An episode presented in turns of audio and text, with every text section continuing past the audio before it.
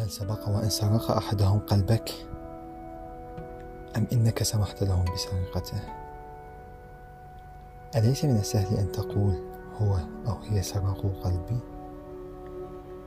لكن هل أنت سعيد لأن قلبك قد سرق؟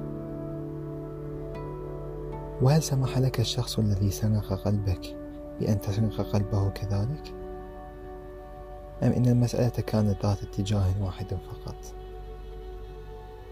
إن كان الأمر كذلك فهل ستعيد قلبك؟ أم إنك ستدع ذلك الشخص يحصل عليه للأبد؟ هل يستحق ذلك الشخص أن يحتفظ بقلبك الثمين؟ عليك أن تسأل نفسك هذه الأسئلة. إذ ليس من الجيد السماح لشخص بسرقة قلبك بهذه السهولة بينما هو لا يستحقها. عليك أن تحمي قلبك من اللصوص الذين يسرقون القلوب ببساطة لاستغلالها اللعب بها وإخفائها للأبد. إن قلبك شيء مقدس فحافظ عليه.